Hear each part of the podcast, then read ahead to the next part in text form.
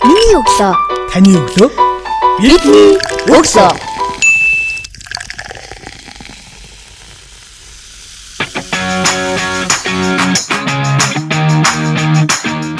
Сонсогчтанд шинэ 7 хоногийн өглөөний мэндийг хүргэе. 7 хоног бүрийн даваа гарагийн өглөөний 7 цагаас сонсогчтанд хүрдэг.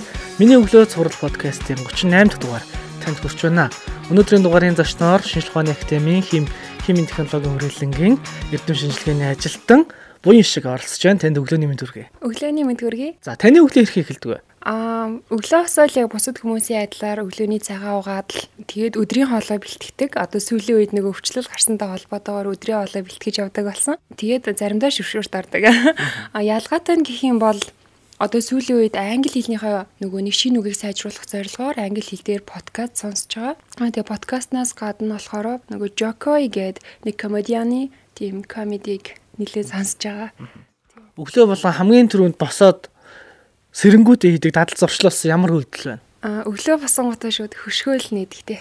Хөшөө нээгээд ямар мэдрэмж авдаг вэ? Аа гоё яд нь штэ нэг тийм бүх юм шинээр эхэлж байгаа гэж боддогтой бол яг нэг нарны туяаг харах нэлээд тийм гоё ядаг. Өдрийн ажлаа хэрхэн яаж төлөвлөдөг вэ? Өдрийн ажлаа ерөөхдөө өнгөрсөн өдрийг одоо өчигдөр оройн төлөвлөдөг гэх юм уу та. Тэгж төлөвлөдөг. Юун дээр хөтлөх вэ? Аа нэг тийм жижигхэн дэвтэр байдаг. Тэрэн дээрээ шууд ингээд цугуулж бичээл урталтан чеклээд явчихдаг. Хоногийн энэ 24 цаг альва нэг ажлыг амжуулахад хэрхэн хүрэлцээтэй байна? Ер нь боломжийн гэж боддог. А 24 цагаа яг яаж хуваарлсан бэ гэдгээс бол их хамаардаг. А тэгээ би болохоор яг ажилдаа төдөн цагийг зарцуулна, гэр бүлдээ төдөн цагийг зарцуулна гэд ерөөхдөө хуваарлцдаг гэж боддог. Тийм яг хав ажил ихтэй үед бол мэдээж жоохон баланс алдагдана. Гэтэ ерөөхдөө бол сайн хуваарлж чадах юм бол боломжтой хүртээмжтэй гэж бодож байна. Хүн бүхэнд байх ёстой хамгийн чухал гурван чадварыг нэрлэж гэвэл чиний хувьд ямар гурван чадварыг нэрлэх вэ? Яагаад энэ гурван чадварыг сонгож байгаа вэ? А хамгийн ихний чадвар нь болохоор өөрийн гэсэн тийм бүр маш сайн чаддаг тийм чадвартай байх хэрэгтэй. Бүр ингээд бусад хүмүүс тэрийгээрээ тусалж чадахгүй хэмжээний өөрийн гэсэн чадвартай байх хэрэгтэй. А хоёр дахь чадвар нь гэх юм бол маш сайн багаар ажилдаг. Тэгээд өөрөөсөө юм гарч болох тийм сайн сайхан зүйлийг бусдад юм харамгүй зааж сургаж чаддаг байх хэрэгтэй гэж бодож байна. Гурав дахь чадвар нь ер нь бүтээлч хандлагатай тийм байх хэрэгтэй гэж бодож байна. Одоо ямар ч зүйлийг тийм эргээр харж чаддаг. Тэгээ маш тийм бүтээлч байх хэрэгтэй гэж бодож байна. Яагаад энэ гурыг сонгосон бэ? Аа, ер нь нилээн одоо амьдралын туршлагаасаа гэж хэлхийн цаашаа харцангуй залуугүй юм чинь. Гэтэ ер нь ажиллаад байхад ийм гурван чадвар л ер нь маш чухал байна. Тий, тэгж бодоод тэрнээс улбалал ингэж бодож байна. Одоо яг одоо миний яг амьдралдаа хэрэгжүүлж мөрдий гэж бодож байгаа гурван чадвар л ийм гурвал байна. Өөрийгөө гурван үгээр тодорхойлол юу гэж тодорхойлох вэ? Шоргоолж гэж тодорхойлно. Дараагийнх нь а инээмсэглэл гэдэг үгээр тодорхойлно. Тэгээ тууштай. За шаргаалт шиг одоо их хөдөлмөрч үргэлж инээж явдаг. Тэгээд аливаа нэг зөрс ажилдаа товштай гэж ойлгож болох? Тэгж өөрийгөө магтахын цаашаа. Гэтэ зүгээр л сая миний ингээд бодолд орж исэн гурван үгэнд л юм гур байла. Одоо яг ямар ажил дээр төлөрч ажиллаж байна? Одоо яг төслийнхөө ажил дээр төвлөрч ажиллаж байна. Бид нар нэг юм нано материал гаргаж авах төсөл хэрэгжүүлсэн байгаа 3 жилийн хугацаанд. Тэгээ одоо яг төслийн маань дуусгуур тайлан бичигдээд явж байгаа болохоор одоо яг л төслийнхаа тайлан дээр суугаад ямар туршилттай байна түүнийг яг үүсэгээл ажиллаж байна да. Яагаад энэ мэрэгжлийг сонгосон бэ нэрэ? Мм нөгөө хүмүүс чинь тэгдэм байлээ штэ. Би энэ мэрэгжлийг сонгоог юм уу? Мэрэгжил намайг сонгоцсон юм аа гэдэг шиг. Хамгийн анх болохоор химийн шинжлэх ухааныг ер нь бол ээжийнхээ хүсэлтээр сурж эхэлсэн. Ер нь эцэг их гэр бүлийнхээ хүсэлтээр сурж эхэлсэн байгаа. Ер нь бол 10 жил тахад миний хамгийн муу хичээл хийм байсан. Яг нэг олон хичээл муу байсан биш л те. Бас сайн хичээлүүд байсан. Аа баг нөгөө за ер нь бол бүх хичээлдээ сайн ганц хиймдээ анх муу байсан. Тэгжсэн чинь нөгөө нэг удмаа дагаад имч болоо гэдэг тийм шаардлага ирээд яа харахгүй л хийм сурахаас аргагүй болсон. Тэгээд химийн хичээлдээ сурахаас гадна нөгөө нэг юунд сурдаг байсан? Хувийн давталганд Тэгээл ерөөсөө хиймээ судалцаар агаал судалцаар агаал зүйлдээ бүр сайн болвол тэгээл ер нь хиймч мэрэгчлээ болвол гоё юм байна гэд хиймээ бүр илүү гүнзгийрүүл сураад тэгээд олимпиад уралдаан тэмцээнүүдэд ороод явж исэн чинь мөсийн химийн ангийн хуваар ингээд урилгаар ирсэн урилга ирсэн тэгэл тэр урилга аваад химийн ангидаа сураал тэгээд үргэлжлүүлээд компанид ажиллаж үзсэн. Тэгээд сургалтын төвнийгээд багшилж жагаад тэгээд шинжлэх ухааны академийн физикийн хүрээлэнд орсон. Тэгээд одоо болохоор шинжлэх ухааны академийн хим химийн технологийн хүрээлэнд ажиллаж байгаа. Аа ерөнхийдөө л ерөн химийн шинжлэх ухаан надад маш сонирхолтой байсан гэх юм уу да уул наах би чинь нөгөө нэг ангаахын сургуульд орох гэж л хийм сурж эхэлсэн шүү дээ. Тэгсэн чинь яг бүр нөгөө хиймдээ ингээд дурлцчихсан гэх юм уу Тэгэл заа за ерөөсөө би хиймж болно гэж хиймж болоод тэгэл физикчтэй ажиллаад ер нь шинэ материал, нано материал гаргаж авах сонирхолтой байна гээл зөндөө надад хамт ажиллаж исэн эрдэмтэд бүгдээрээ л тийм зөндөө материалууд гаргаж авч исэн. Тэгэл тэгжсэн чинь хими өрөөлөнд бид нэр ингээд шинэ нано материал гаргаж авах төсөл хэрэгжүүлж эхэлж байна. Энд дээр орох уу гэдэг сансансал за за тэгээ тэгэл хими өрөөлөнд ороод тэгэл нано технологич гэдгээр магистр гэдэг мэрэгчлэр магистрт сураал тэгэл нано технологич болсон да. Өөрийнхөө ажлын арга барилыг бусдаас шалгарах онцлогийг юу гэж тодорхойлох вэ? Ерөөсөө л багийн ажиллагаа. Ямар ч хүн эрдэмтэн сайн эрдэмтэн байхын тулд маш сайн багаар ажилтдаг байх хэрэгтэй. Тэгээ би одоо сүүл ботхоноор нь ямар ч хүн илүү урагшлыг хийх юм бол маш сайн багаар ажилтдаг байх хэрэгтэй. Тэгээд өөрийн гэсэн маш их тийм гүнзгий мэдлэг чадвартай байх хэрэгтэй. Түүнийг бусад хүмүүст харамгүй тарааж чаддаг байх хэрэгтэй юм байлээ. Яг одоо энэ цаг үед өөрөө чинь одоо ментор гэж ярьдэн шүү дээ, тий? Үлгэр жишээ авах ямар хүмүүс байна? Аа, мэдээж миний байнгын ментор гэвэл манай ээж байна. Бүр багасаа л ээж маань миний ментор байсан. Аа, тэгээд тэрний дараа бол их сургуулийн зарим багш нар маань байсан. Одоо яг ажилд орсны дараа гээд гэх юм бол төслийн удирдагч маань инхтүүл гэ доктор байдаг. Инхтүүл доктороос нэлээд одоо менторшип болдог. Тэгээд мөн хамт ажиллаж байгаа эрдэмтдээсээ захирлаасаа гэх мэт.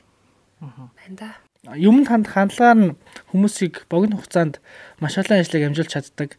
Эсвэл нэг ажил дээр нам суугаад тэрийг одоо маш чанарын өндөр түвшинд гүйцэтгэж чаддаг гэж хэлж байна. Чиний хувьд яг аль талд нь орох вэ? Ихэвчлэн хоёрдугаар нь. Нэг ажил дээр маш олон талаас нь нухдаг. Тийм. Юм жоохон юм serious ханддаг хүмүүсгээ байдаг штэ. Ер нь тийм яг хөө заримдаа бүр шаардлагатай тохиолдолд мэдээж амьдралын шаардлагаар гэдэг шиг олон зүйлийг зэрэг амжуулах тохиолдол байна. Гэтэ ихэвчлэн нэг зүйлийг маш олон талаас нь нухаж тэгж үздэг. Бид нар чинь ер нь нэг зүйлийг маш олон талаас нь судал шинжилж ээж л хэлэх ёстой байдаг. Тэрнтэй холбоотой байх гэж бодож байна. Сүүлийн үед юунаас их урамзраг авч? Яг төлөвлөсөн зорилгоосоо л авж байна да төлөвлөсөн зорилгоос. Төлөвлөсөн зорилгоосоо жишээ нь өглөө осоод ингээд англи хэлээр подкаст сонсдог ч юм уу эсвэл одоо short story-нууд сонсдог ч юм уу те. Яг зорилгоо бодоол за би яг өнөөдөр нэг төдөн ширхэг шинүүг сурах хэрэгтэй байгаа шүү. Тэрний тулд би нэг иймэрхүү хэмжээний текст сонсчоод яхав дэж гэдэг юм уу те. Ер нь юм альва төлөвлөгөөгөө ер нь зорилгоо бодож байгаа л хийдэг гэх юм уу. Туршилтаа ч гэсэн тэгж хийдэг штэ те. Ер нь альва зүйлийг Карантинээр хүмүүсийг маш олон зүйл дээр бас энэ өөрийгөө хөгжүүлэх, хэл сурах, шин зүйл суралцах олон зүйл дээр өөрийгөө хөгжүүлж ингэж хараад байна. Хөгжил, дэвшил, өөрчлөлт нь хэр бэлэн байдаг вэ? Ерөн бэлэн байдаг. Тийм. Өөрийгөө ер нь дасан засах шаардлага өндөртэй гэж тодорхойлох уу? Ерөн тийч хэлж чадна. Аа. Бусдаа уур амьсгалтанд ороод тэгээд тухайн атмосферыг мэдрээд тэдний нэг болоо явж чадна а ерөнхийдөө тэр атмосферыг мэдээж мэдрэхийн хувьд ингээ мэдрээд явж ивэл илүү зүгээр гэж боддог. Бүхий салбарт залуучууд маш их гарч ирж байгаа л да бидний үе гэдэг нь нэг үе гараад ирсэн байна. 90-ад оны залуучууд. Тэгэхээр э, үе тэнгийнхнийгаа судлаачдыгаа хараад одоо судлаачдын дунд өрөндөг яриа хөрөө мөн маргаан мэтгэлцэн гэд ямар төвшинж явж харж байгаа судлаачийн хувьд. Ер нь сайн байдаг. Одоо ялангуяа бид нар чинь эрдэм шинжилгээний хурал дээр л их таарлаж байна шүү дээ, тийм ээ. Аа бие биенээ хэр шүүмжилж байгаа гэдгээр л хардаг. Эрдэм шинжилгээний хурал гэдэг чинь угаасаа судлаачид бие биенийгээ шүүмжлэх зорилгоор зорилгоор ч их хаашаа ер нь бие биенийхээ ажлыг сонсоод тэрэнд нь үнэлт өгнөлт өөрийнхөө бодлыг л хэлдэг хурал шүү дээ. Нэр нь сүүлийн үеийн судлаачид бол маш сайн сүүлийн үеийн гэж би одоо өмнөх үеийг яаж хэлж ирснийг сайн мэдэхгүй шүү дээ. Сайн л хэлдэг ямар ч байсан. Тэгээд манай залуучууд ер нь багаар ажиллах чадвар сайтай байгаа юм шиг санагддаг. Бид нар эрдэм шинжилгээний ажлаас гадна одоо нөгөө нэг шинжилгээ ухааны түгээн дэлгэрүүлэх багшлах чиглэлээр бас нилээд хідэн зүйл дээр хамтарч ажиллаж байгаа. Ер нь сайн байдаг. Бас давхар багшилдаг гэж сонссон тийм үү шиг. Цааш нь ер нь багшлах гэсэн бодлоо гоё. Аа, ер нь байнга багшлах гэсэн бодолтой байдаг. Аа Тийм мэдээж сая бүр маш сайн багш байхын тулд маш сайн эрдэм шинжилгээний ажилтан байх хэрэгтэй. Маш сайн эрдэмтэн байх хэрэгтэй.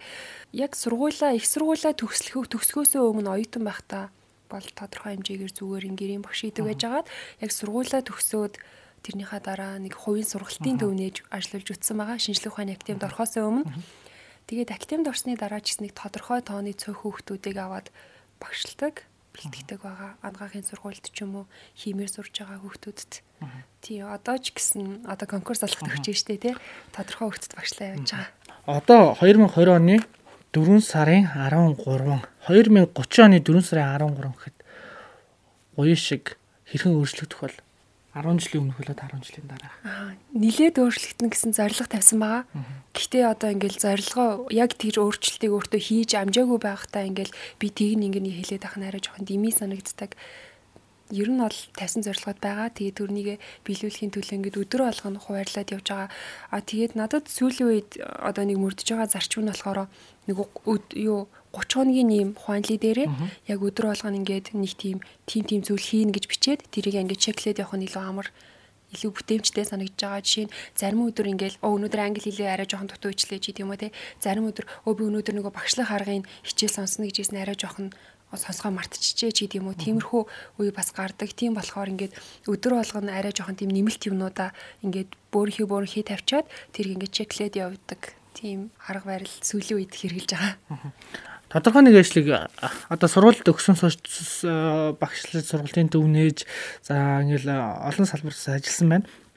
Тэгээ ингээ харахаар залуу хүмүүс ялангуяа ингээд дөнгөж ажлын байран дээр гарч залуу мэрэгчлүүдийн тулгамддаг гол асуудал хэм бол тодорхой нэг асуудал бэрхшээлийн ард гарах тэр эр зөрг дутагдгаас болоод өөртөө тэгтэл урам зоригоос одоо ундагч ийм хүчин зүйлс нөлөөлдөг байх л та. Тэгэхээр хүн бүхэнд л тодорхой хэмжээгээр асуудал бэрхшээлүүд тулгардаг. Чамд ч тулгарч ирсэн байна. Тэгэхээр тэр асуудал бэрхшээл тулгарсан үед тэрний цаана гарах арга замыг тэр асуудлыг маш том а одоо анхаарлын тэмдэг ороод ирлээ гэвэл тэр анхаарлын тэмдгийг ард нь гарах гэж яаж өөрийгөө зоригжуулдаг вэ?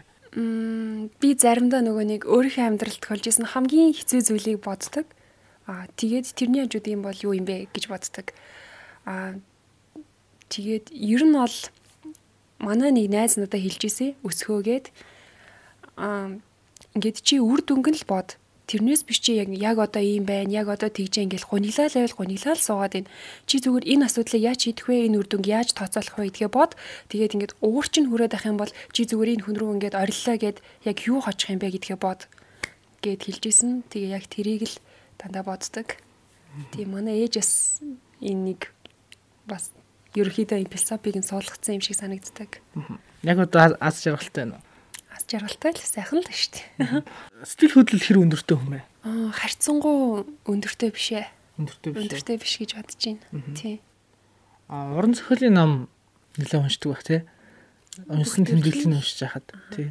Тэгэхээр яг уран зохиолын сүүлд унсан номноос бидний сонсч залуучууд хуваалцаач намныхаа нэг хэсгээс ч гэдэм үү тий.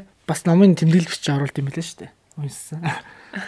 А эрдэм шинжилгээний ажилтан гэдэг утгаараа уран зохиолын номноос илүү дандаа шинжлэх ухааны номнууд уншдаг. А сүүлийн үед болохоор нанод технологийн номнууд нэлээд уншиж байна.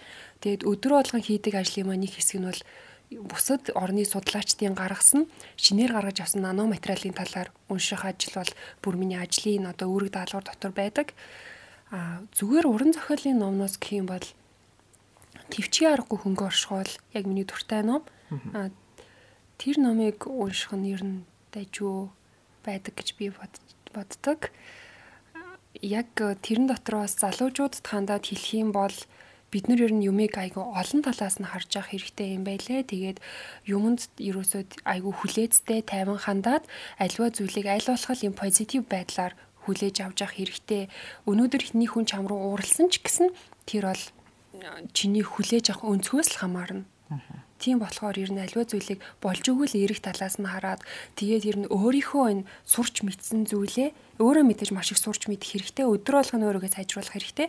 А түүнийгээ зүгээр эргэн тойрондоо байгаа бүх хүмүүстэй хамаагүй ингээд хилж өгөх шаардлагатай байвал хилээд өг гэдэг. Би нөгөө багшилдаг болохоор ч тэгж боддtiin юм уу? Ийм хандлагатай байдаг. Тэгээд энийг бүр өөртөө гүн бат суулгахын тулд одоо ингэж сайн сургуульд хийх шаардлагатай ч юм уу? Хөвшүүлэхийг хүсэж байгаа Тий.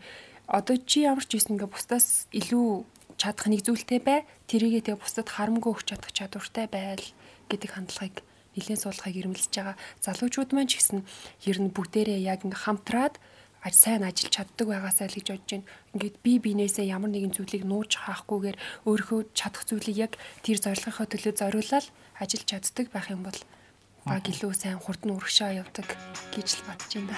Аа маш баярлалаа. Өөрийнхөө чадах зүйлийг зүйлээр ялаа юугаараа баян түүгээрэ гэдэг шиг. Гэтэ тэр нь мэдээж хамгийн сайн чаддаг зүйл юм байх хэвээр тийм ээ. Чадахгүй зүйлээ хүн чаддаг юм шиг ярьж болохгүй шүү дээ тийм ээ. Тийм. Бас нэг зүйл нөгөө чаддаг зүйлээ чаддаг л бай. Цаг зав гаргаад подкастын 38 дахь дугаарт хүрэлцээрсэн. Уян шигтэй баярлалаа. Тэгээ коронавирус үед бас точд урьж ярилсан гэдэг бол бидний хувьд маш хүнд даалгавар байгаа. Тэгээ энэ подкаст та бүхэнд харагдахгүй ч гэсэн бид нэр масктай ярилцж байгаа, амны алттай ярилцж байгаа. Тэгээд подкастын маань ерөнхий бас ивентчээр ажиллаж байгаа 3 сарын төрөлсөн худалдаа эрхэлдэг TMB Brothers компани цаанга улаан чавны цай гэж байдаг. Тэгээд улаан чав цагаанга зүгийн балтай цайгаар бас таныг дайлаа. Өөрч оролцуулсанд баярлалаа сонирхолтой сайхан подкаст байна. Аа бас энэ цай бас гоё цай байна. Яг одоо энэ ковидын дэгдэлтэй үед чинь цагаангаа сайн хэрэглэгээд гэж байгаа шүү дээ, тий. Тийм бас дэжгүй сайхан цай байна. Цаашдынхан судалгааны ажилд өндөр амжилт хүсье. За баярлалаа. Сонсогч танд биний өглөө суралт подкастын 38 дахь дугаар хүрлээ. Энэ удаагийн дугаартаа бид ухааны академийн хим химийн технологи хүрээлэнгийн эрдэм шинжилгээний ажилтан буян шигтэй ярилцлаа. 39 дахь дугаараараа хэрэг болцсон.